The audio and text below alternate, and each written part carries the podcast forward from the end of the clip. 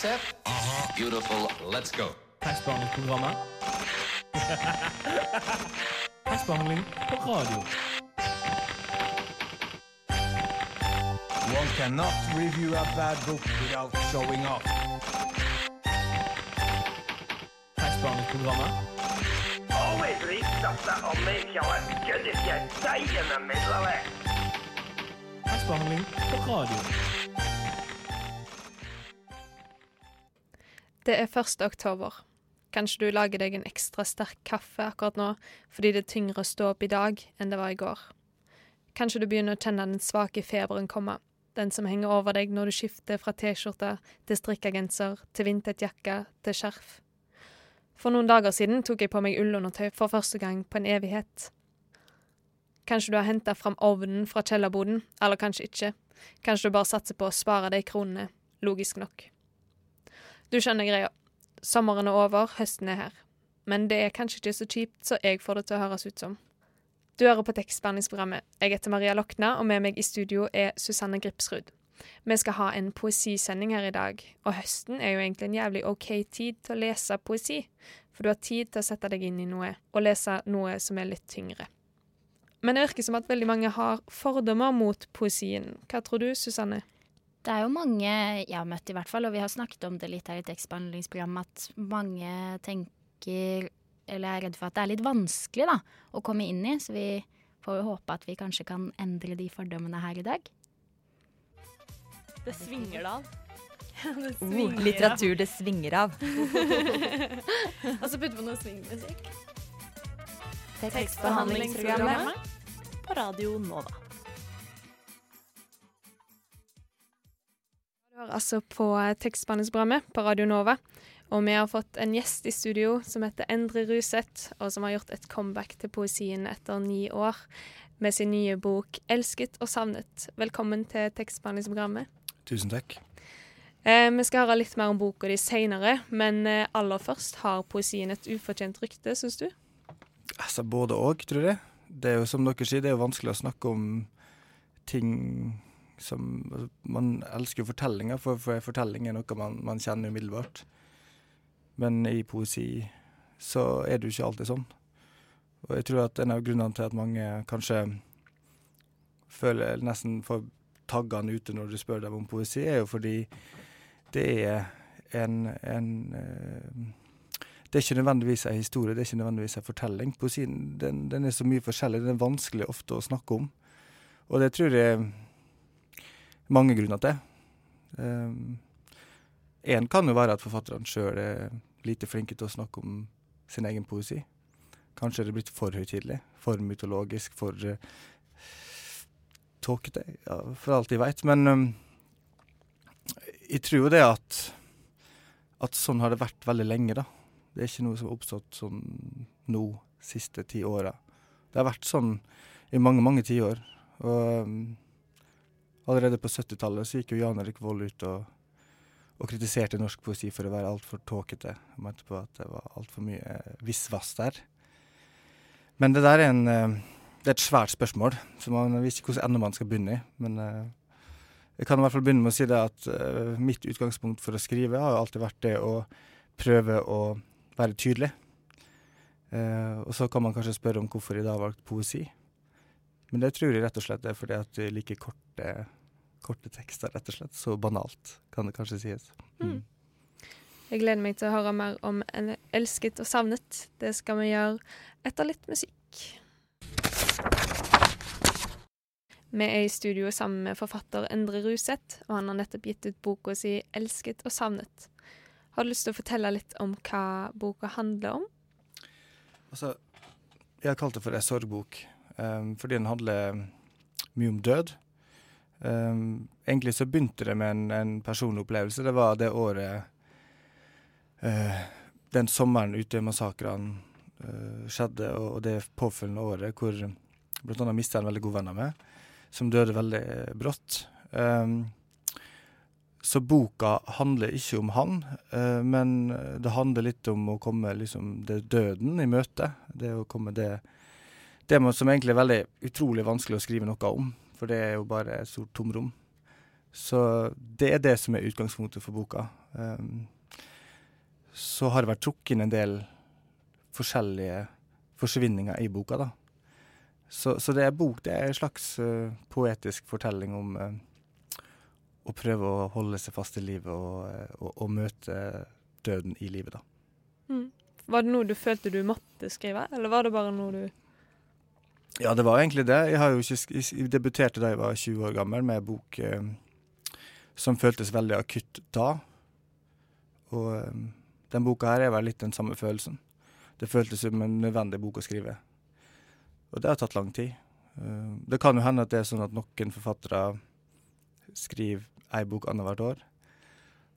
Kan det hende at de er så udugelige at de bare kan skrive når det på en måte brenner skikkelig. da, Jeg veit ikke. Men det føltes helt nødvendig å skrive den boka, og jeg er veldig glad for at uh, det ble ei bok. Det er jo et vanskelig tema å skrive om, det kan jo fort uh, gå på trynet. mm. Hva syns du om resultatet? da? Har det gått på trynet? Nei, altså jeg er jo selvkritisk person, da. Så som det er ting rundt med alt andre, så Hvis jeg hadde anmeldt boka sjøl, så hadde jeg sikkert ikke gitt en toppkarakter, men jeg er veldig fornøyd med Altså, jeg har gitt alt, da, kan du si, føler jeg, i den boka her. Har ikke, jeg har ikke holdt noe tilbake. Og, og sånn sett så er jeg veldig fornøyd. Jeg tror ikke at det kunne blitt ei så veldig annerledes bok, faktisk, men det veit man jo aldri. Mm. Men du sier at du har blitt in inspirert av flere hendelser, kan du si, da, for å nærme deg sorg. Men er det én fortelling, eller er det liksom flere fortellinger i én? Du må kanskje si at det er flere fortellinger. Mm. Eh, det er jo en, på en måte en sånn Da jeg var liten, så elsker jeg å lyge. For jeg var liten, altså, hvis, mutter, hvis jeg kom inn til mutter'n og så sa hvor har du vært, så sa jeg at jeg har vært ute og klatra i tre når jeg egentlig har vært i kjelleren. Det var en slags lystløgner fra barndommen av. da. Så dette her er jo en slags uh, Har jeg tatt med meg inn i brukt det, prøvd å bruke det til noe konstruktivt. Så det her er ikke ei fortelling, det er kanskje illusjon om ei fortelling. Uh, det er forskjellige skjebner i boka, men boka er adressert til et hund og et du. Uh, og i boka så så er den Det er jo henta fra mange steder. Så egentlig så er det ikke, det er ikke én personlig hendelse som jeg har fulgt i boka, men det er mange litterære verk og personlige opplevelser og opplevelser som utøver, f.eks., som har vært brukt i den boka. Så mange, mange, den har kommet fra mange steder. Men det er, det er også et jeg. Um, hvem mm. er den personen? Det er jo det Det er jo det store spørsmålet, da. Det er jo Jeg fikk jo beskjed da jeg debuterte at prøv å kutte ut jeg. Kutt ut jeg. Prøv å skrive, skrive vekk ditt jeg. Men jeg har ikke greid det, altså. Det er det fortsatt. Uh, det var jo den klassiske uh, Rambaud-linja 'jeg er en annen'. Så hvis du kan følge opp det og si at det er jo en slags uh, positur, en slags, uh, også en slags illusjon. det er et sted å, å, skrive teksten fra for å. Mm. Men du har skifta kjønn på hovedpersonen fra den hendelsen du selv hadde tatt inspirasjon mm, fra. Mm, mm. Hvorfor det? Nei, altså, jeg liker jo um, Å få en avstand til teksten er jo viktig for å kunne på en måte bearbeide det man skriver om. Og det å gjøre en sånt grep er jo med å gjøre at du får en avstand til det du skriver. Du får Du ser på verket som, fik, som fiksjon.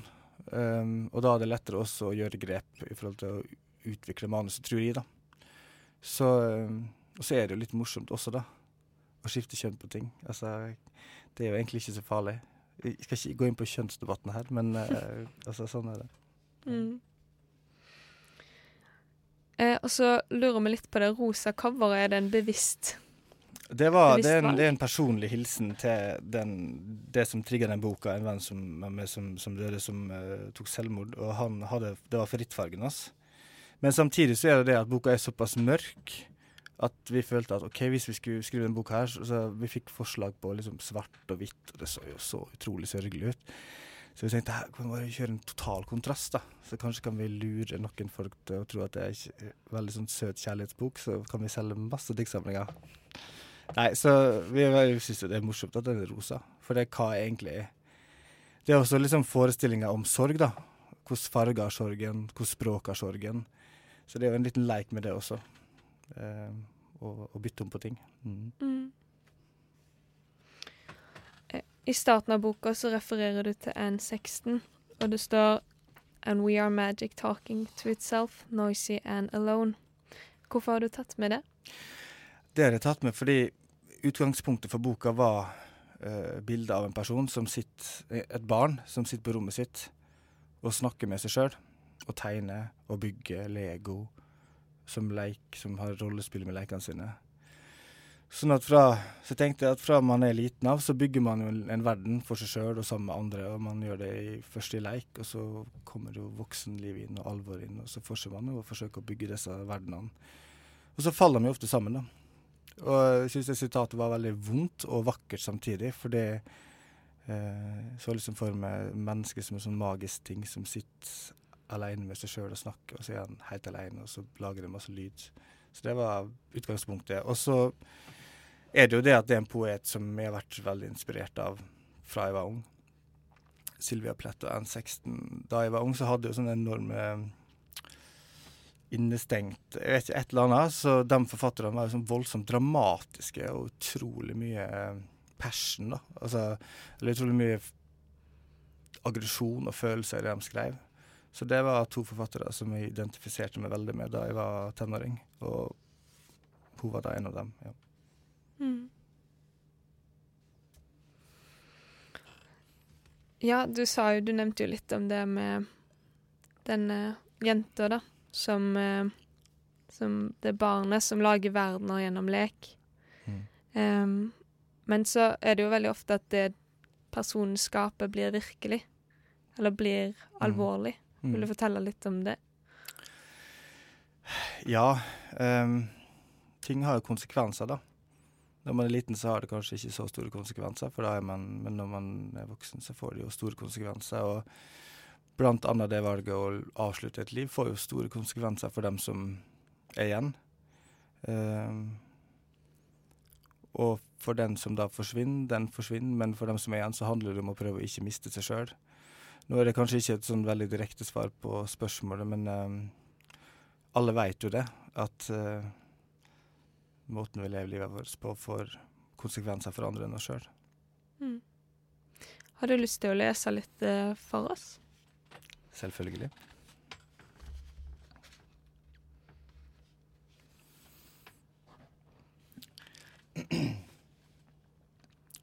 Hvem har sovet i senga hennes? Hvem har vært i kroppen hennes? Hvem har skrevet i dagboka? Ingen har sovet i senga hennes. Ingen har vært i kroppen hennes. Ingen har skrevet i dagboka. Men senga gynger og knirker, og kroppen brenner og svir.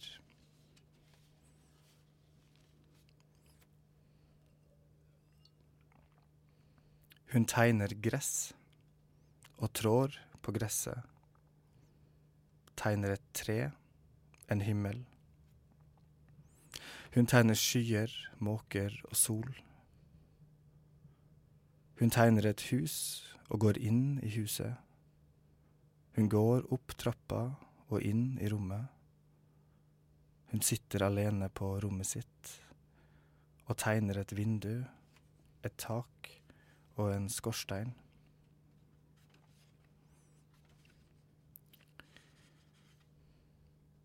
Hun er for vakker til å beskrives. Allikevel skriver jeg at hun er en fugl. Skulle hun være en fugl, måtte hun være en gribb som sirkler over sitt skjønne vesen med et lite smil.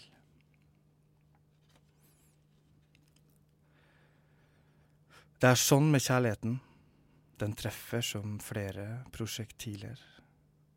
Inn i ryggen. Inn i høyre tinning. Inn i venstre kinn. Inn i munnviken. Gjennom magesekken. Gjennom høyre lunge. Gjennom ansiktsskjelettet. gjennom hjernestammen, borer seg via halsen, inn i nakken og gjennomstrømmer alle tankene mine.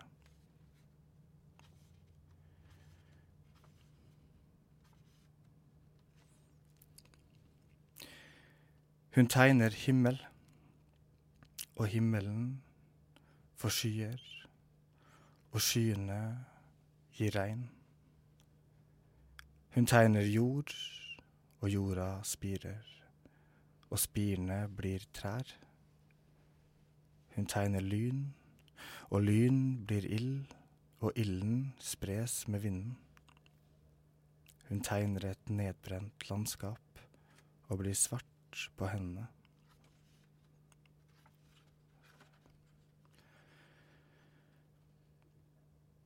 Hun bærer lungene. Hun bærer brystvirvlene, leveren og lyskene. Bekkenpulsåren og hofteknappen. Bakhodet og ryggmargskanalen bærer hun. Hun bærer kroppen på veien bort.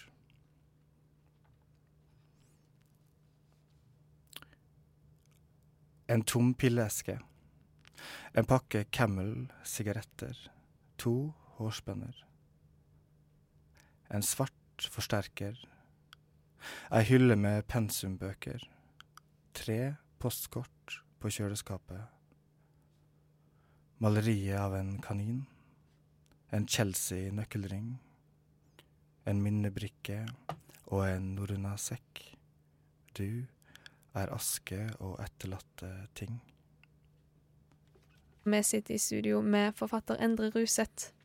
Han har gjort et comeback til poesien med sin nye bok 'Elsket og savnet', og det var ni år siden sist bok. Hvordan er comebacket? Er det etterlengta? Det er veldig hyggelig å gi ut bok igjen, det må jeg si. Uh, men uh, jeg ga ut ei haiku-samling om skihopp i vår, så da fikk jeg sånn litt sånn forsmak på comebacket før, før nå, da. Men uh, Mm. det, det er veldig hyggelig. Når man føler at man gir ei bok som betyr mye for man, så samme hvordan man liksom tenker på det, så betyr det jo litt, da. Det gjør jo det. Det betyr ganske mye, faktisk. Så det er bra. Bra Mm. comeback. For min del, i hvert fall. Ikke Ja. hvis det er for andre. For oss òg.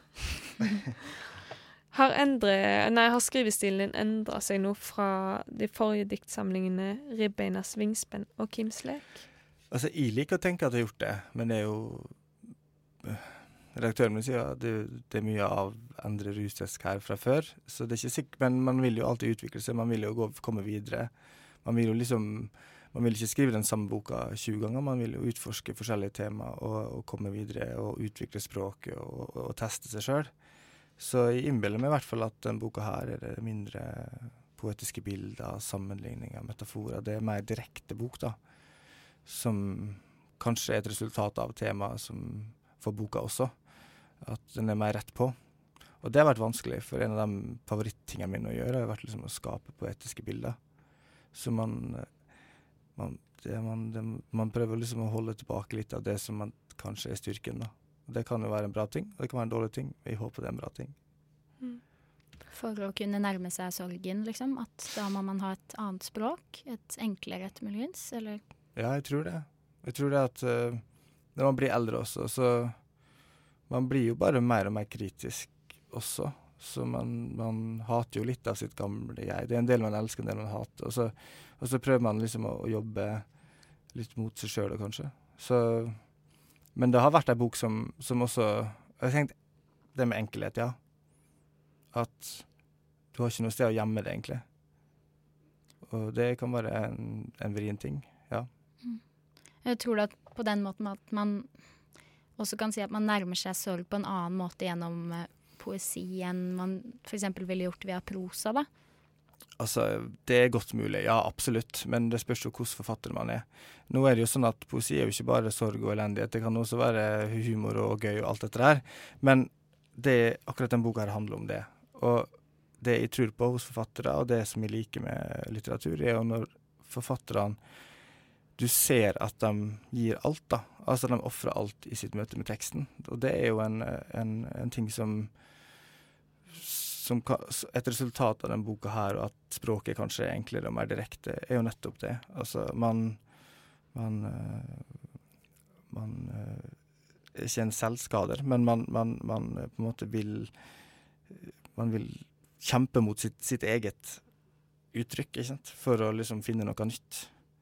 Så det kan ha med temaet å gjøre, det kan også bare ha med at man Men det, det har med, selvfølgelig med temaet å gjøre, det har jo det. ja. For blir språket litt mer sårbart òg, samtidig som temaet er sårbart? Nei, jeg føler at språket blir sterkere. Fordi du går inn i et tema som er såpass sårbart at du har nødt til å herde det sjøl, og du har nødt til å skape en avstand til stoffet. Du har nødt til å tenke på det som, et, som en fiksjon, som et verk. Og sånn sett så tror jeg språket er liksom hardere og sterkere enn før, selv om temaet er ekstremt sårbart og ofte vanskelig å snakke om. Altså, det er ikke rart å spørre folk om sorg og dikt. Det er jo ikke akkurat det man gjør på teselskap eller på Altså, det er et vanskelig tema, da som går såpass dypt i folk at det er ikke noe sånt tema som man kan kjøre fem på gata på, fordi folk vegrer seg for å snakke om det i en sånn setting.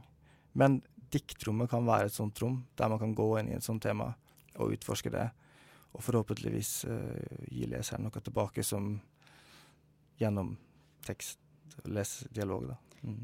Men tror du at det kanskje kan være en grunn til at folk kan synes enten at det er vanskelig å snakke om poesi, eller at man gjerne refererer til det som noe som er litt fjernt for en, kanskje nettopp fordi det ofte kan være det som går nært på en, da, og kan Det kan være én ting, men samtidig så elsker jo folk sangtekster. Det er jo lyrikk, det også, ikke sant? så folk har et sterkt forhold til Men jeg tror det har litt med hvilken form det blir presentert i, da.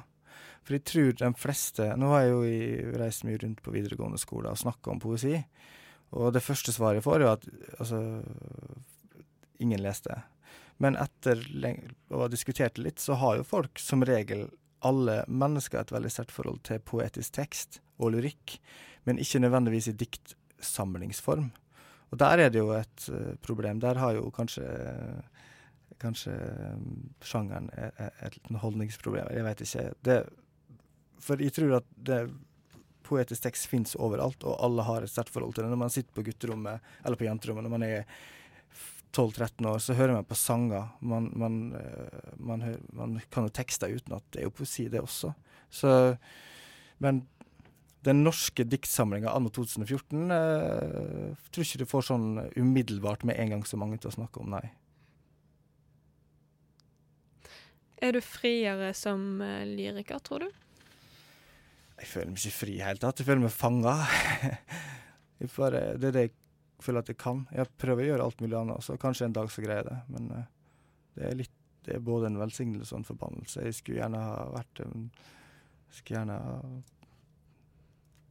gjort noe mer vellykka. ikke det at det er feil å være poet, men da jeg kom til Oslo og var 20 år og debuterte, så var liksom den store drømmen var å bli på, liksom, dikter. Og så tolv år etterpå så er ikke drømmen like stor, jeg må innrømme det, altså. Det er et ganske Å leve av skriving kan være veldig tøft, men det er jo også en vakker ting. Å føle glede over å skrive og skape et eller annet. At du sitter alene med deg sjøl og du får en lykkefølelse, det er en helt fantastisk ting. Så sånn sett så det, Livet er komplisert, vet du. Det er ingen enkle svar. Sånn er det bare. Mm. Og jeg lurte på om du ville lese et dikt til før vi sier ha det. Ja. Jeg kan lese avslutningsdiktet, som er et litt lengre dikt.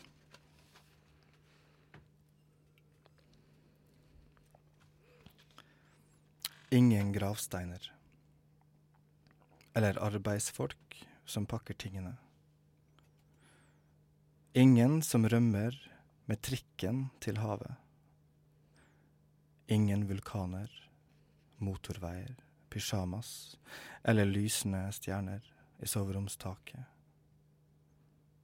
Ingen som står opp og henter aviser, eller unger som løper inn og ut av kjøkkenet. Ingen statsledere som forhandler fredsavtaler til ingen nytte, ingen sonde på vei ut av solsystemet. Ingen kanyler, seilfly eller blodig skjortekrage. Ingen gutt som forestiller seg blod fra bankende hjerter i svulstige verselinjer. ingen arbeidsløse i regn, ingen hester i snø, ingen som skriver i dagbøkene og kommer hjem til ei enslig, flammegul tigerlilje. Ingen som rusler hjemover med salt hud fra ensomme badedager, eller går søvnløse rundt i Paris med møllspiste klær. Ingen steder vi kan møte hverandre. Ingen barn med terninger i hendene. Ingen som tegner et hjerte på et skittent vindu rundt et navn som er ditt eller mitt. Ingen døvstum mann som går fra dør til dør for å selge papirugler. Ingen som ser en regndråpe falle. Ingen jentunge som tøyser med språket og kaller skjerfet for frokost. Ingen sykehus eller sukkerbiter i gresset. Ingen barn som går seg vill eller bortføres i en mørk bil. Ingen fantomtegninger. Ingen foreldre som gjennomsøker skogen med lommelykter. Ingen duggdråper på engsyreblad, paraplyer, månedskort, fyrverkeri, skytevåpen eller strikkepinner. Ingen som speiler sin knuste munn i et vindu. Ingen gul oker, terpentin og blå leire. Ingen hvite bølger som stiger 20 meter høye opp av havet. Ingen utslettende storm eller utholdelig famling i mørket. Ingen som staver en stjerne som flykter fra hjemlandet sitt. Ingen vinterepler strødd utover kjøkkenbordet, eller ternevinger som dufter av hav, eller fluer i øyekroken til en blind tigger ingen 15. mars 44 år før Kristus. Ingen morgen den 25. februar 1848, ingen natt til 7. april 1934, ingen berghammer som raser ned i fjorden. Ingen morgen etter floden, ingen tegn, ingen forvarsler. Ingen som mumler i ørken, ingen svart katt over veien, ingen som venter i et vindu på noen som skal komme hjem, for ingen kommer hjem, ingen kommer med regnet, med vinden, med snøen, ingen hvite roser. Eller gresskar som skylles inn med bølgene, ingen eksotiske blomster, ingen katter som gjemmer seg under jordskjelvene. Ingen vinternotater, nattlamper, kjelleropptegnelser. Ingen som leter etter deg. Ingen bruksanvisning for å leve eller for å dø. Ingen blodsolsikke kronblader, ingen kloremerker, spindelvev, ingen som faller fra 17. etasje og treffer asfalten. Ingen svarttroster eller frostroser som vokser på vinduet. Ingen som sjangler i tussmørket, ingen som husker lukta i leiligheten, ingen som elsker dag og natt, i krig eller fredstid. Ingen, ingen. Ikke engang en engel som stiger ned med nøklene til frelse eller fortapelse. Ingen som dør av hjertesorg, eller uhemmet slynger sin kropp inn i en annens verden. For det er ingen annen verden, og sorgen har ingen benk å sitte på. Tusen takk for at du kom til tekstbehandlingsprogrammet, Endre Ruseth. Takk for å få lov å komme. Tekstbehandlingsprogrammet når du vil lese med øra.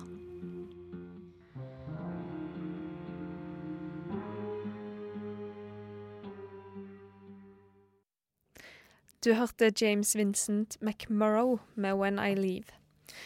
Jeg leita litt i gamle innslag i dag, så kom jeg over et ukas dikt som er lest opp av Maiken Bolseth, men vi fant aldri ut hvem forfatteren var, så det kan bli litt eh, et mysterium.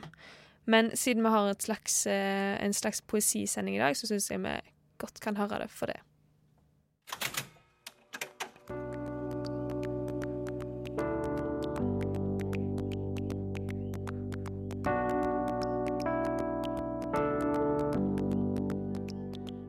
Du våkner av sorg om natten.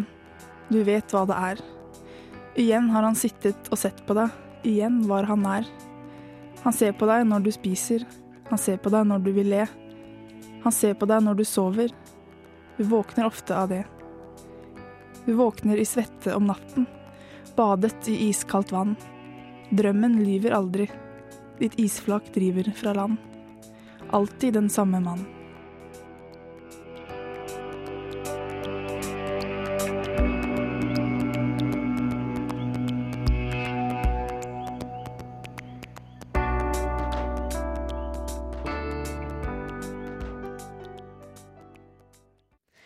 Det var et eh, litt mystisk dikt av en mystisk forfatter som jeg ikke vet helt hvem er. Det kan jo kanskje være en utfordring til folk til neste gang å bare Ja. innen den tid finne ut eller vite hvem det er. Det hadde vært veldig kult. Kanskje det blir en sånn stor, eh, stor greie ut av dette. Ja, det store spørsmålet. Ja. Radio Nova. Kim lagde det Kim lagde det diktet. Men vi skal over til et litt eh, annet tema. Vi skal ha en anmeldelse her i tekstbehandlingsprogrammet på Radio Nova. Og da har vi fått eh, vårt redaksjonsmedlem Marie til studio. Velkommen. Takk. Hvilken bok har du med? Jeg har med meg Subrosa, den siste romanen til Demian Vitanza, som ble utgitt nå i høst. Og Ja. som vi intervjua i forrige uke. Så kult. La oss høre et utdrag fra sist uke. Jo mer du prøver å huske fra livet i byen, dess fjernere virker det. Som om det ikke egentlig hadde noe med deg å gjøre. Du prøver å holde fast ved leiligheten i byen, en forestilling om et hjem. Men du blander sammen gatene i nabolaget ditt, byen blir uskarp. Enkelte bygninger og mennesker trenger seg fram som plutselige utvekster av det ukjente. Du lukker øynene og prøver å huske ansiktet til hun du elsker, men detaljene glipper for deg. Ansiktet løses opp og mister sin form.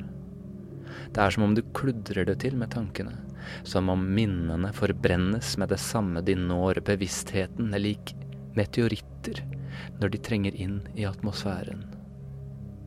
Et regn av glemsel og stjerneskudd. Du hører fortsatt hun du elsker hviske navnet ditt, men hun har ingen lepper, ingen tunge. Øynene hennes vaskes ut jo mer du prøver å se dem for deg. Bare munnen er tydelig, den hvisker navnet ditt en siste gang, før også den forsvinner. Hva handler boka om? Mm, den er delt i to, og så er den litt spesiell. For den er delt i to, men den begynner fra hver ende. Og det er ingenting som indikerer hvilken del du skal lese først. Eh, så man det, det avhenger litt av hva du leser først, av hvordan du leser den andre delen, da, eventuelt. Okay, I så det- tillegg til at de handler om forskjellige ting. Ja, så en del boka er delt i to, og du kan begynne på to forskjellige sider? Mm, Er det er en forside på hver side av boka. På omslaget. På innsiden er det liksom stempelet og utgivelsesdato. Liksom.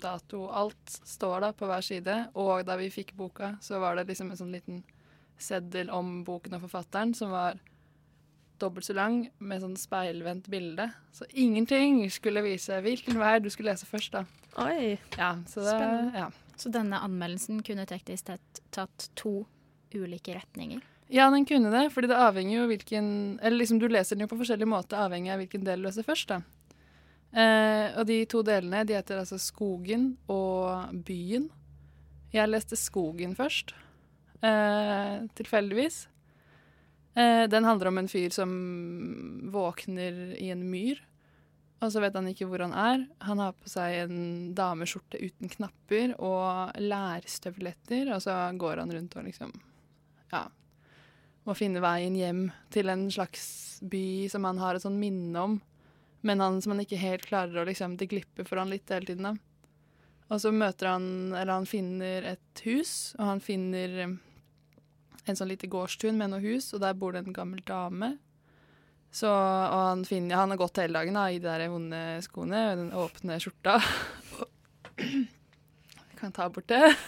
Og, eh, så han banker på der og får en slags sånn herre Blir tatt vare på da, av denne gamle dama, eh, som ikke Som er litt rar, og det er veldig mye fokus på øynene hans. Og eh, hun er helt alene, og det er ingen vei til noen by. Og det er liksom ikke Han kommer seg aldri vekk derfra. da, Det er veldig sånn Kafka-aktig sånn Ingen løsning, ingen svar. Mm. Ingen vei ut av problemet. Og så plutselig så dukker det opp en annen fyr som bor i kjelleren under sånn, en av de andre husene, som bare er framme om natten og ordner med roser. Subrosa betyr under rosen, forresten. Eh, og så vokser det fram et litt sånn pervers sånn mor-sønn-forhold blandet med sånn derre kjærlighetsforhold. Det er veldig ubehagelig alt sammen, da. Men hvordan er hovedpersonen, da? Er det den samme fra begge sidene av boka? Uansett hvor du starter?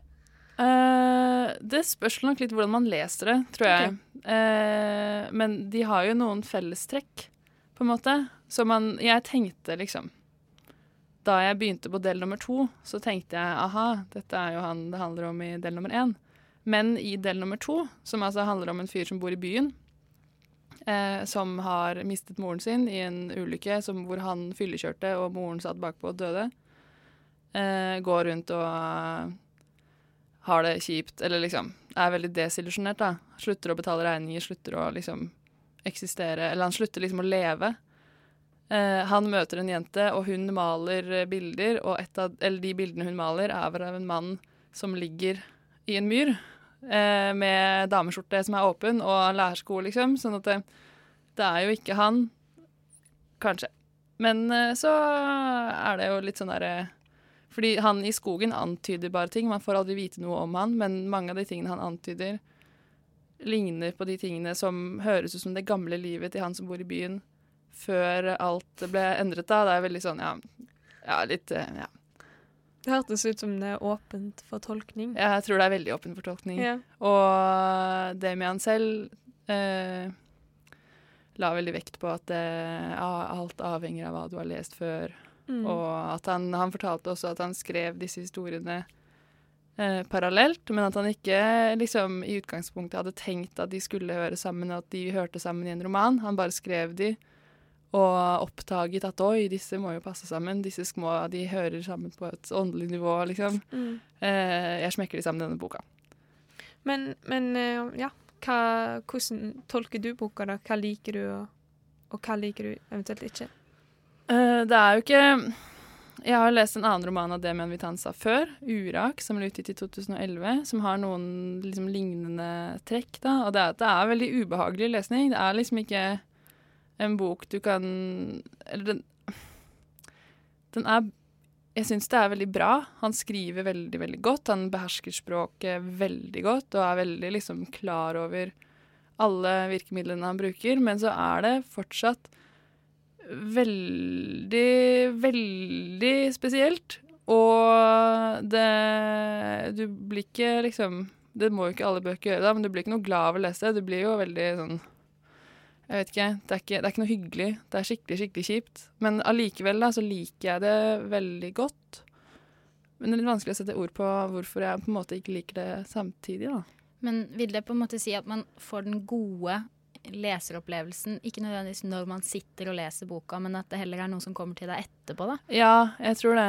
At, uh, ja, jeg har det veldig sånn. Jeg har aldri nytt noen av Demian Vitanza sine bøker. Jeg har lest Urak to ganger, og jeg har lest den her nå ganske liksom studert den ganske nøye, og jeg liker det aldri mens jeg sitter der, men det er skikkelig spennende å tenke på det etterpå. Så, så jeg anbefaler det jo. Mm. Eh, men man kan ikke lese de hvor som helst. Da jeg leste f.eks. 'Skogen' rett før jeg skulle i bryllup, og det var ikke sykt god idé, fordi jeg ble i så dårlig humør at jeg måtte stoppe å lese. Jeg skulle egentlig lese 'Byen', og så bare nei, nei, jeg kan ikke, kan ikke gjøre dette nå. Jeg må være glad. Men Så det er, bø det er bøker som påvirker deg, da, på en måte? Ja, og det er jo egentlig et godt tegn, da. Mm. Eh, kan man jo si. Takk for at du vil komme og anbefale Søbrosa av Demian Vitanza. Eller er det Demian Vitanza? Demian. Ja. ja. Nå skal vi høre Palm Face med 'Saturday' på Radio Nova.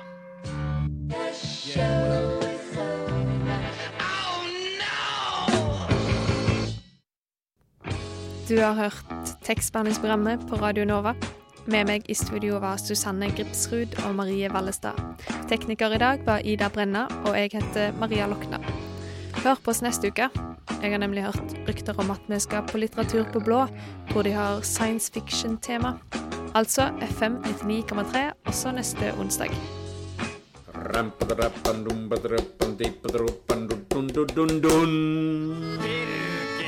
Her taler Emma Numminen i Finland og det høres også i Radio Nova.